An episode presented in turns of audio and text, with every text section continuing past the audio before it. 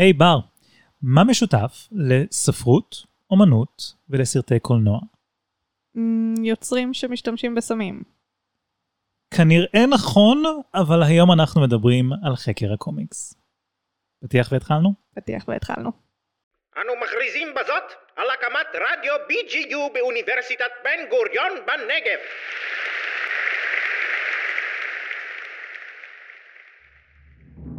המאה ה-21 וסרטי קומיקס צצים בכל פינה. מי יעשו סדר בבלגן הזה? אריאל כהנים ובר לשם, שני sidekicks ללא פיקוח של מבוגר אחראי. אין דבר שיעצור בעדם מלדבר על ספרות מאוירת. אה, האמת היא שיש בעיה עם המושג הזה? ואל תפריע לי בפתוס! זה העניין עם התחתונים.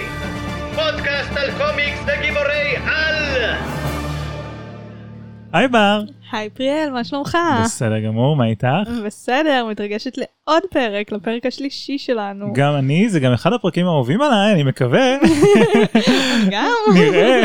אז מה, תגיד, על מה אנחנו מדברים היום בעצם? אה, אז כמו שאמרנו בפתיח, אה, היום אנחנו מדברים על חקר הקומיקס, ואולי נקודה מאוד טובה להתחיל איתה, תהיה בעצם לשאול בעצם, מה זה בכלל קומיקס? מה זה בכלל אה, קומיקס? אין לי מושג, כאילו, אני עושה פודקאסט על קומיקס, אין לי מושג מה זה, סתם.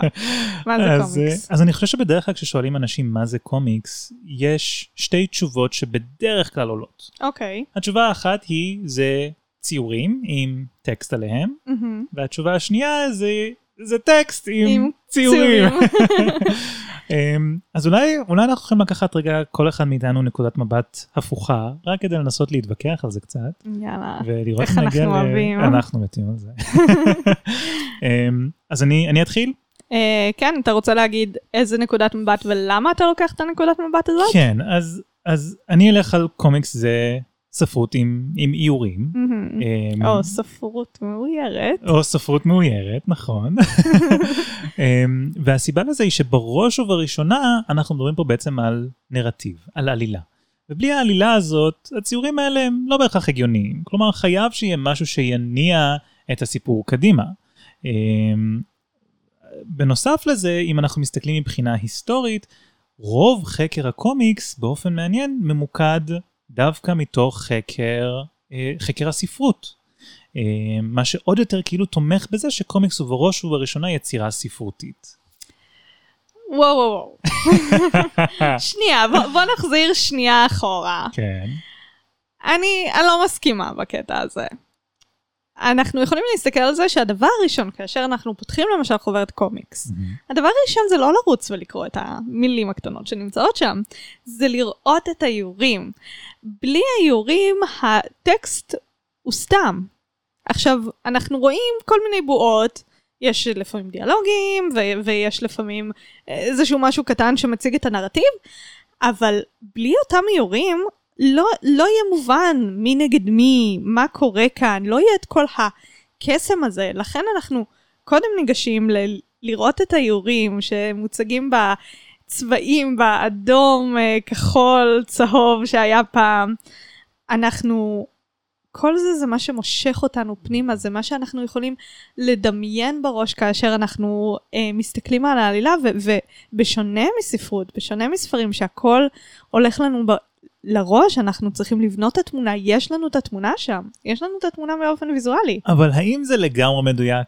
כי בואי נודה באמת, זאת אומרת אנחנו מקבלים אוסף של תמונות סטטיות, כשבפועל מה שמניע את התנועה מתמונה לתמונה זה הסיפור, זה העלילה, זה הטקסט, זה המילים, זה ההתפתחות של, של הפעולות. אני לא יודעת אם אי פעם פתחת חוברת קומיקס, אבל יש כל כך הרבה טריקים שמאיירי קומיקס עושים כדי להניע את התמונה, אם זה סידור פאנלים בצורות שונות, אם זה...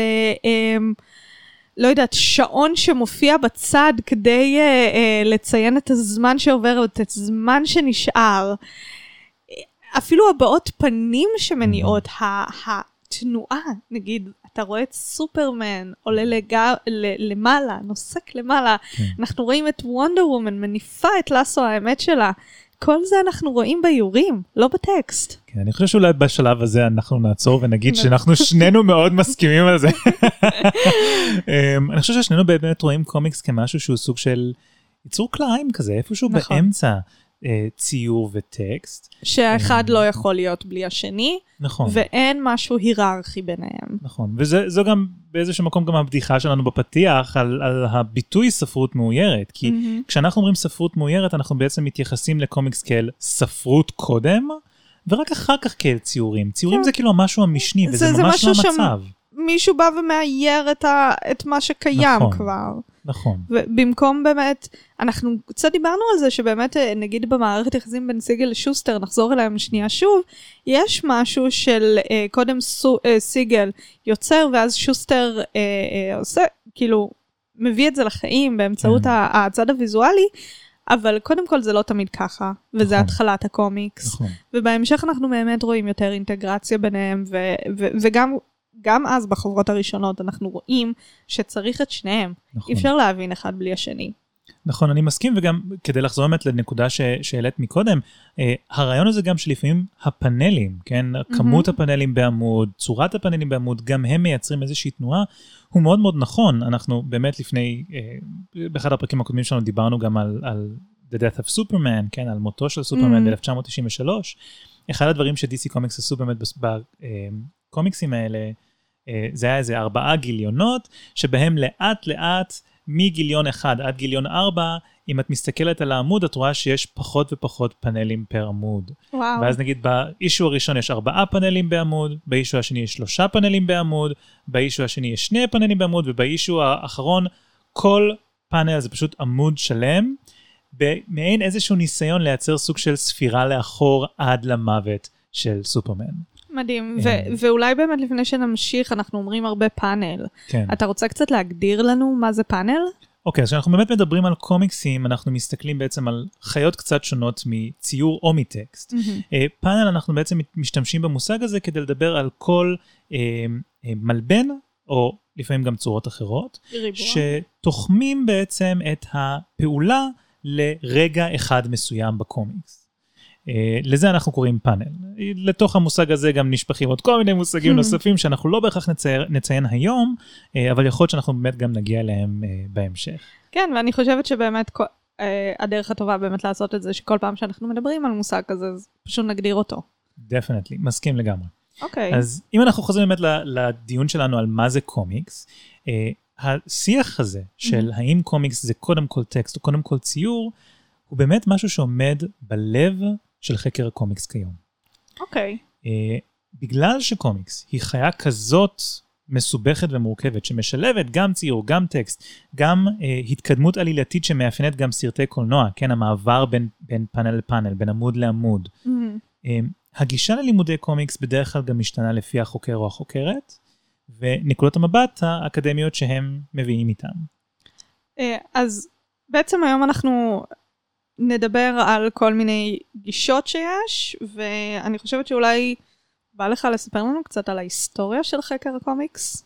בהחלט. אז אם אנחנו באמת מסתכלים על ההיסטוריה של קומיקס, אנחנו יכולים לסמן שני, אה, שתי דמויות מרכזיות בחקר הקומיקס כיום. הראשון הוא וויל אייזנר, שמפרסם בשנת 1985 את הספר Comics and Sequential Art, או קומיקס ואומנות אה, אה, סד... לא סדרתית. סדרתית. המשכית? המשכית, כן, אומנות כן. המשכית. אה, ואת סקוט מקלאוד שמפרסם ב-1994 את Understanding Comics. אוקיי, אז מי זה וויל אייזנר? אז וויל אייזנר היה אה, גם אומן, גם סופר. בשנת 1936, כשהוא רק בן 19, הרבה קווי דמיון בינו לבין אה, סיגל ושוסטר, כמו מהמם. שבוודאי תשימי לב. אה, אייזנר מתחיל לפרסם... הוא גם היה יהודי, נכון?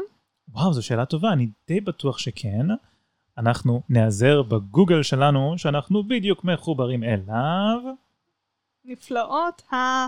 אה, כן, נפלאות האינטרנט. כשאנחנו היינו צעירים, לא היה דבר כזה.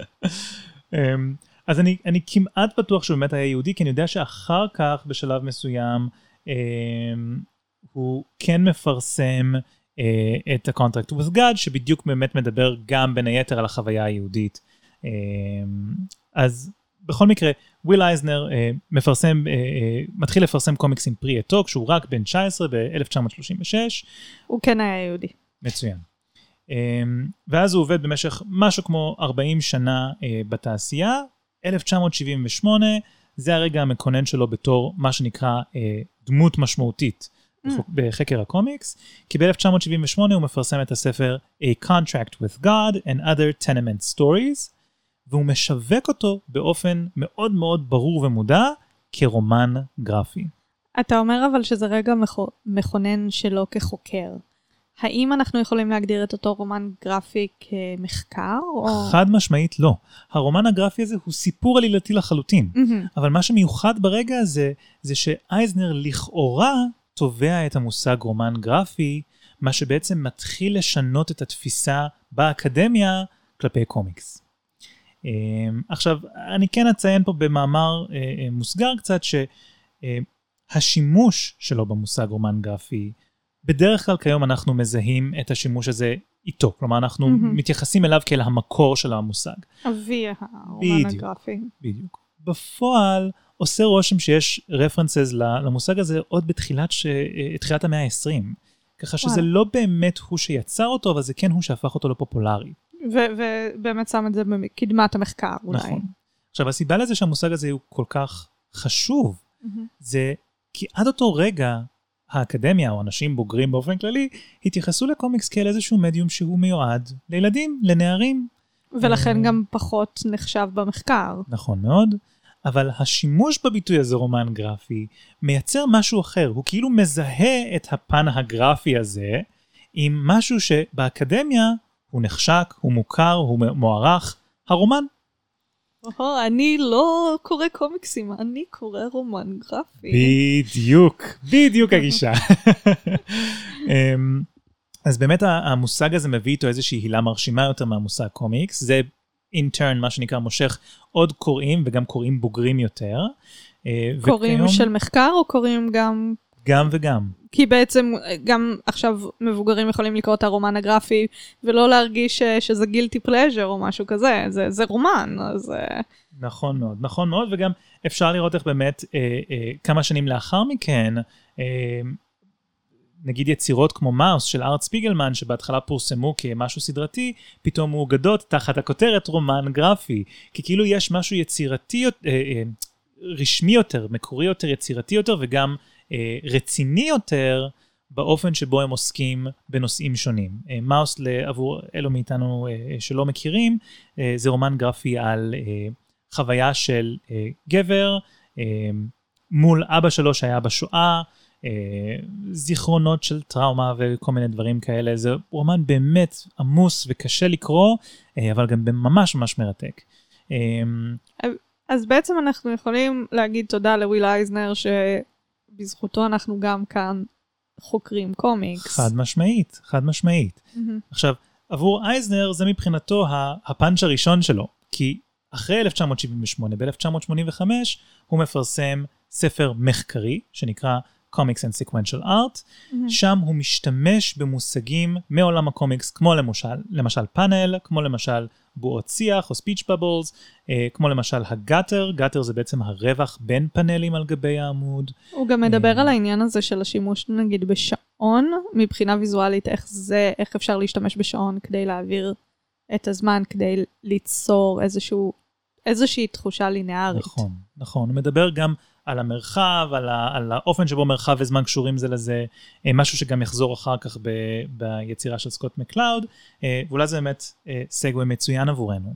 אני הכי מתה על הספר שלו. גם אני, זה גם כל אני. כך מיוחד לראות ספר שהוא מחקרי יחסית, אבל עם ההומור הזה של ה... נכון. אז בוא, בוא, בוא נדבר על סקוט מקלאוד, מי הוא? אז ב-1994 אה, סקוט מקלאוד מפרסם את Understanding Comics, מקלאוד גם הוא בעצמו אמן קומיקס, והוא ב-94 בעצם מצייר ספר שלם על חקר הקומיקס, בתור קומיקס. כן. אמ, וזה באמת, כמו שאת אומרת, זו חוויה מדהימה לקרוא את הדבר הזה, זה נהדר. יש את זה באוניב... אה, בספרייה של האוניברסיטה, רוצו להזמין. מהר מהר.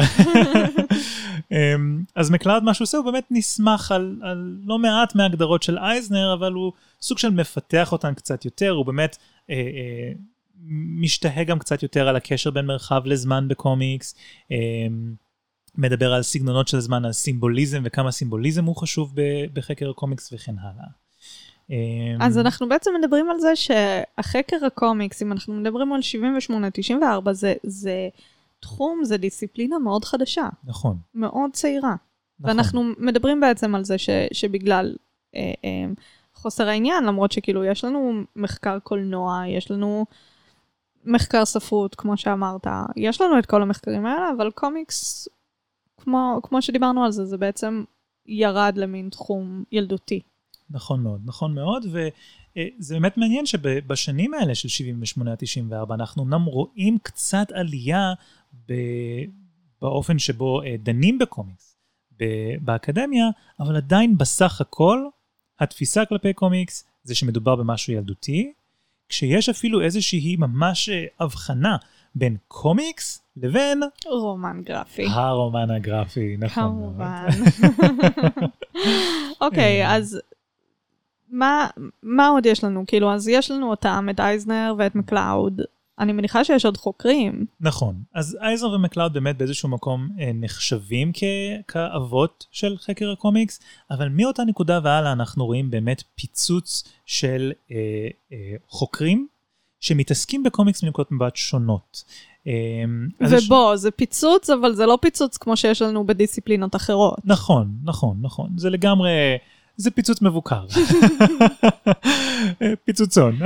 זה DC מוציאים אה, סרט ולא מרוויל מוציאים סרט. סתם, סתם, לא, לא נכון. אני אתעלם מהדיס כלפי DC. כולנו יודעים איפה ליבי נמצא, אז אה, הכל בצחוק. אמ, עכשיו, מה שמייחד באמת את חקר הקומיקס זה שבגלל שאין לו בית מסוים, כלומר, קומיקס זה לא לגמרי ספרות, קומיקס זה לא לגמרי אמנות, קומיקס זה לא לגמרי קולנוע. וגם אנחנו יכולים לראות את זה אצלנו, עוד מעט נדבר על זה, אבל נכון. אתה מספרות אנגלית, אני מתולדות האומנות. נכון. אין לנו בית משלנו חוץ מכאן נכון. בבידיו רדיו. אמ, זה נכון, אז, אז באמת בגלל שאין לקומיקס בית מסוים, אמ, זה בעצם מייצר איזשהו מצב שבו הרבה מאוד חוקרים וחוקרות מכל מיני דיסציפלינות שונות, תורמים את נקודת המבט הייחודית שלהם על התחום הזה. אה, אז יש לנו באמת חוקרים כמו לצורך העניין אה, אה, הילרי שוט וצ'ארלס האטפילד ודונלד אולט שהם מגיעים יותר מתחום של ספרות. הנה אה, אתה כבר מתחיל לזרוק שמות. אני מתחיל לזרוק שמות, let's do it. you get a name, you get a name, we all get a name. כן. אמ, יש לנו את סקוט בוקטמן ואת גרג סמית שמגיעים יותר כזה מחקר המדיה, קולנוע, דברים כאלה. אה, יש לנו את איאן גורדן. סופרמן. בדיוק. שמגיע מחקר הסופרמן. מחקר הסופרמן הוא פשוט מטורף על סופרמן. אה, יש לנו את תיארי גורנסטין שעוסק יותר בקומיקסים בפרנקו בלגים כאילו יש לנו ממש איזשהו פיצוץ מאוד מעניין של חקר הקומיקס שנוגע לכמה שיותר תחומים שונים כמה שיותר נקודות מבט שונות. אה, כאן אני גם רוצה להזכיר את אה, רוברט סי הרווי שבאמת אומנם לא נחשב מהמכוננים mm-hmm. אבל הוא כן פרסם את הספר שלו בשנות ה-80. שכרגע ברח לי מהראש, אבל הוא גם מדבר על העניין מבחינה יותר ויזואלית. כן. אה, שגם אנחנו רואים, כי נגיד תחום האומנות, אנחנו תכף ניכנס לזה, הוא תחום שעדיין לא התפתח בקומיקס לצערנו. כן, אני חושב גם שאחת הסיבות האפשריות לזה, אם אנחנו באמת חוזרים לשיח בהתחלה, זה בדיוק בגלל השימוש בביטוי ספרות מאוירת. יש איזושהי תפיסה שכאילו האומנות היא באיזשה, באיזשהו מקום משנית לעניין עצמו. אמ, וגם באיזשהו מקום אנשים מרגישים יותר שזה יותר אולי נחשב, ראוי, mm-hmm. להתייחס לצד הנרטיבי, נכון. להתייחס לצד ההיסטורי, תרבותי, כל נכון. הדברים האלה. כן. ש- שגם אנחנו חוטאים בו, זה לא, זה לא משהו רע, כן? אבל באמת אנחנו, אנחנו כאן כדי להסביר שהדיסציפלינה של הקומיקס זה, זה משהו שקיים. נכון מאוד, נכון, ואני באמת חושב שהדרך הכי טובה לדבר על קומיקס זה בדיוק כערבוב של כמה מדיומים במקביל, כן? זה גם ציור, זה גם טקסט, זה גם העובדה שקומיקס משתמש בשפה הוויזואלית של לימודי קולנוע, כלומר, יש פה איזשהו רצף של תמונות שמייצג איזושהי התפתחות נרטיבית, אבל בסופו של יום האופן שבו זה קורה, זה על ידי שילוב של כמה מדיומים במקביל. זהו, אז, אז באמת זה מוביל אותי לאיזושהי שאלה אם אנחנו אנחנו בפודקאסט הרי, אנחנו מדברים גם על חוברות קומיקס וגם על סרטים וסדרות. נכון. האם בחקר הקומיקס, או באופן כללי בשיח, האם אנחנו יכולים להגדיר את כל הסרטי קולנוע שעכשיו יוצאים, שיצאו מ... מ אפילו משנות ה-70 דיברנו על זה, אבל כאילו עכשיו באמת יש איזשהו טור הזהב נכון. של, אה, של כל ה-Cinematic Universe, בוא נגיד את זה ככה. אה, האם אנחנו יכולים בכלל להגדיר את זה כקומיקס? זו שאלה באמת טובה. תודה. אני חושב שהתשובה שלי תהיה כן ולא. אה, הסיבה לזה היא שהרבה מהיוצרים, הרבה מהבמאים שלוקחים יצירות קומיקס ומתרגמים אותם למסך, עושים את זה דרך אה, עיבוד של חלק מהאלמנטים הקומיקסיים הקלאסיים למשהו שהוא באמת יותר שפה קולנועית. אם אנחנו מסתכלים לצורך העניין על כריסטופר נולן ועל היצירה שלו של Batman Begins ו-The Dark Knight, The Dark Knight Rises, הטרילוגיה הזאת היא, היא טרילוגיה שלא באמת מייצגת את בטמן בקומיקס.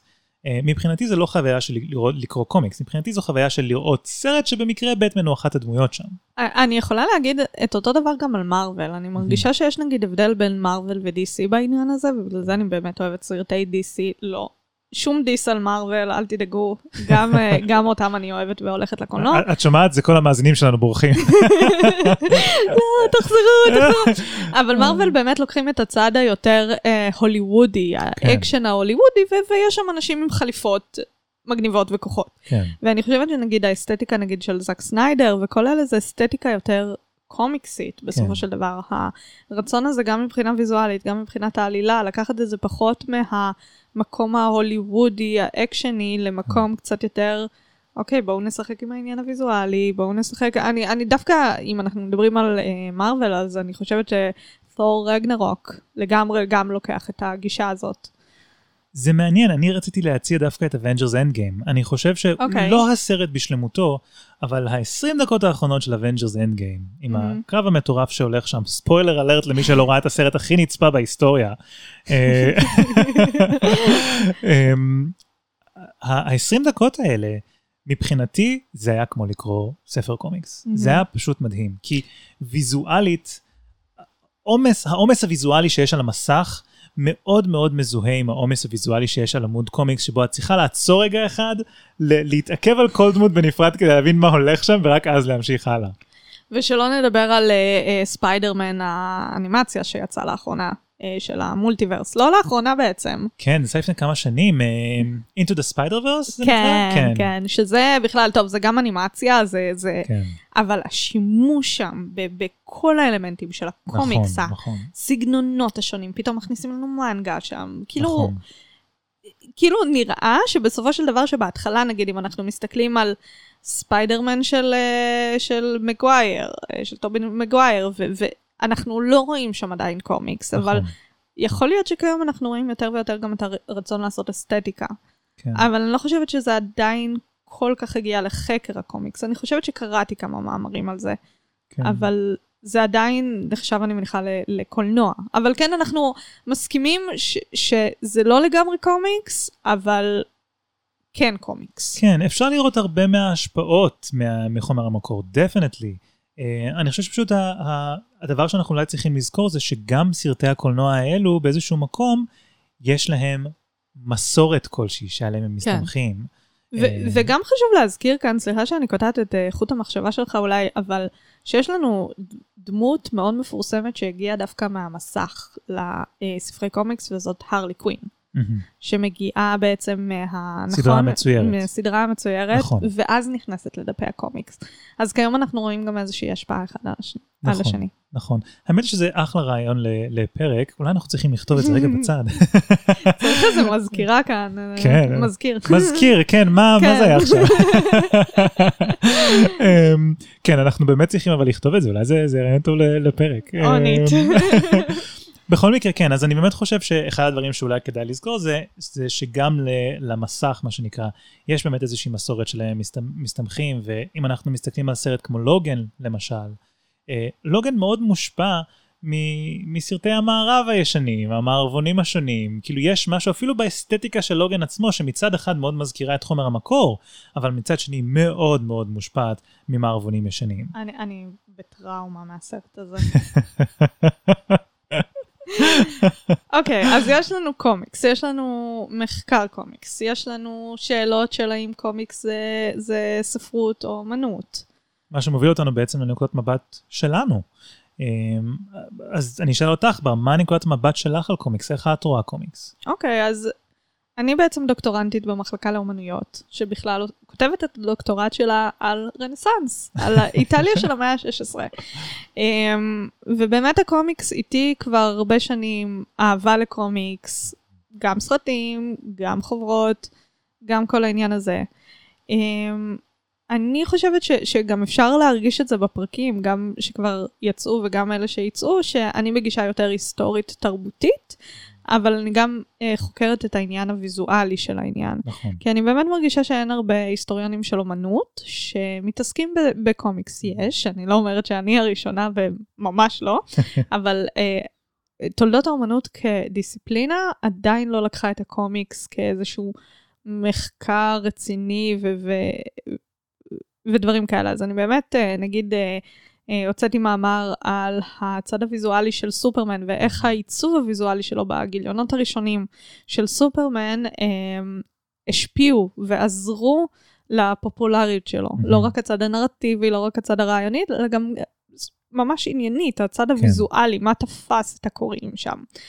Um, ו- ועוד גישה שיש לי זה בעצם uh, בגלל שאני גם מתעסקת בדוקטורט שלי במיתולוגיה היוונית ואיך זה משפיע על הרנסאנס, אז אני מתעסקת גם במיתולוגיה היוונית ואיך זה משפיע על הקומיקס.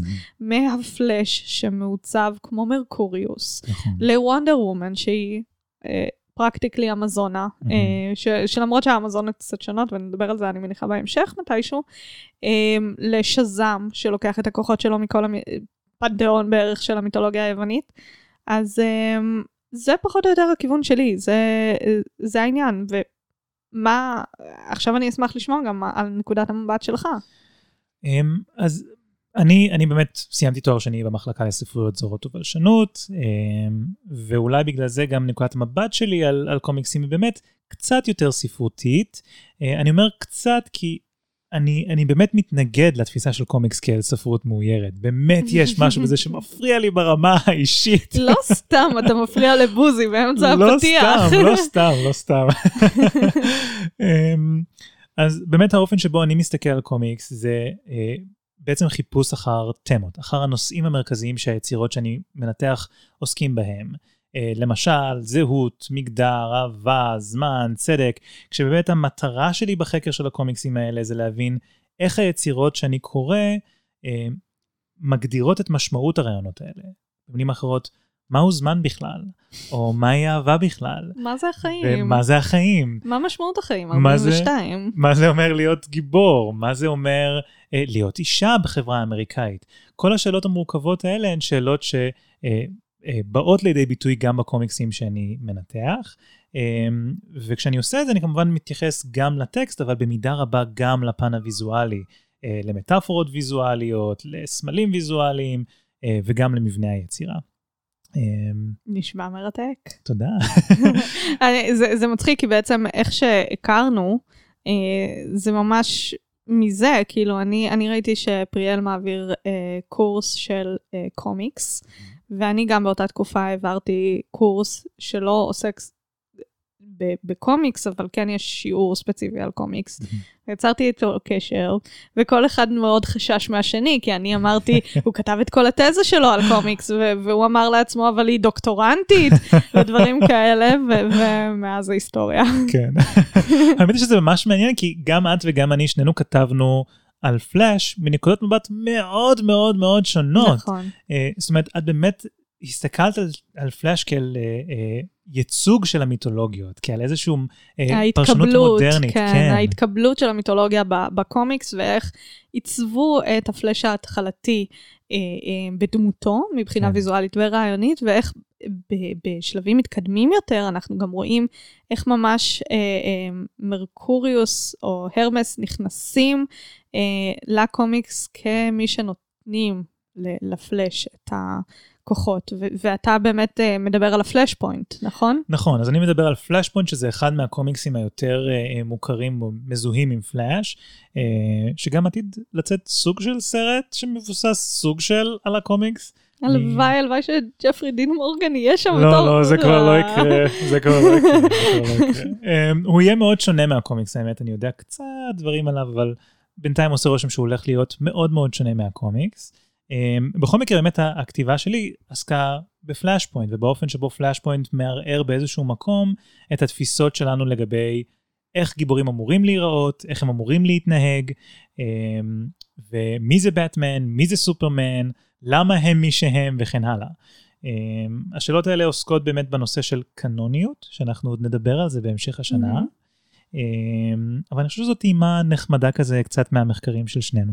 כן, ואיך בעצם אנחנו אה, חווים, חווים תודה ל, לכל אה, אותם חוקרי קומיקס אה, אמיצים שהתחילו את זה ואמרו, היי, אנחנו כאן. בהחלט, בהחלט, בהחלט. טוב. טוב, זה זמן להזכיר שאנחנו בקבוצת הפייסבוק אה, שלנו, העניינים התחתונים, פודקאסט על קומיקס וגיבורי על. אה, מוזמנים להצטרף אלינו. נכון מוזמנים מאוד. ומוזמנות כמובן. ובמקביל אנחנו נודה גם ביחד ל-BGU רדיו ולבוזי רביב על העזרה שלהם בהפקה של התוכנית הנהדרת שלנו, אה, ואנחנו נתראה בפעם הבאה. תודה פריאל, תודה ביי. תודה למאזינים, ביי ביי. ביי.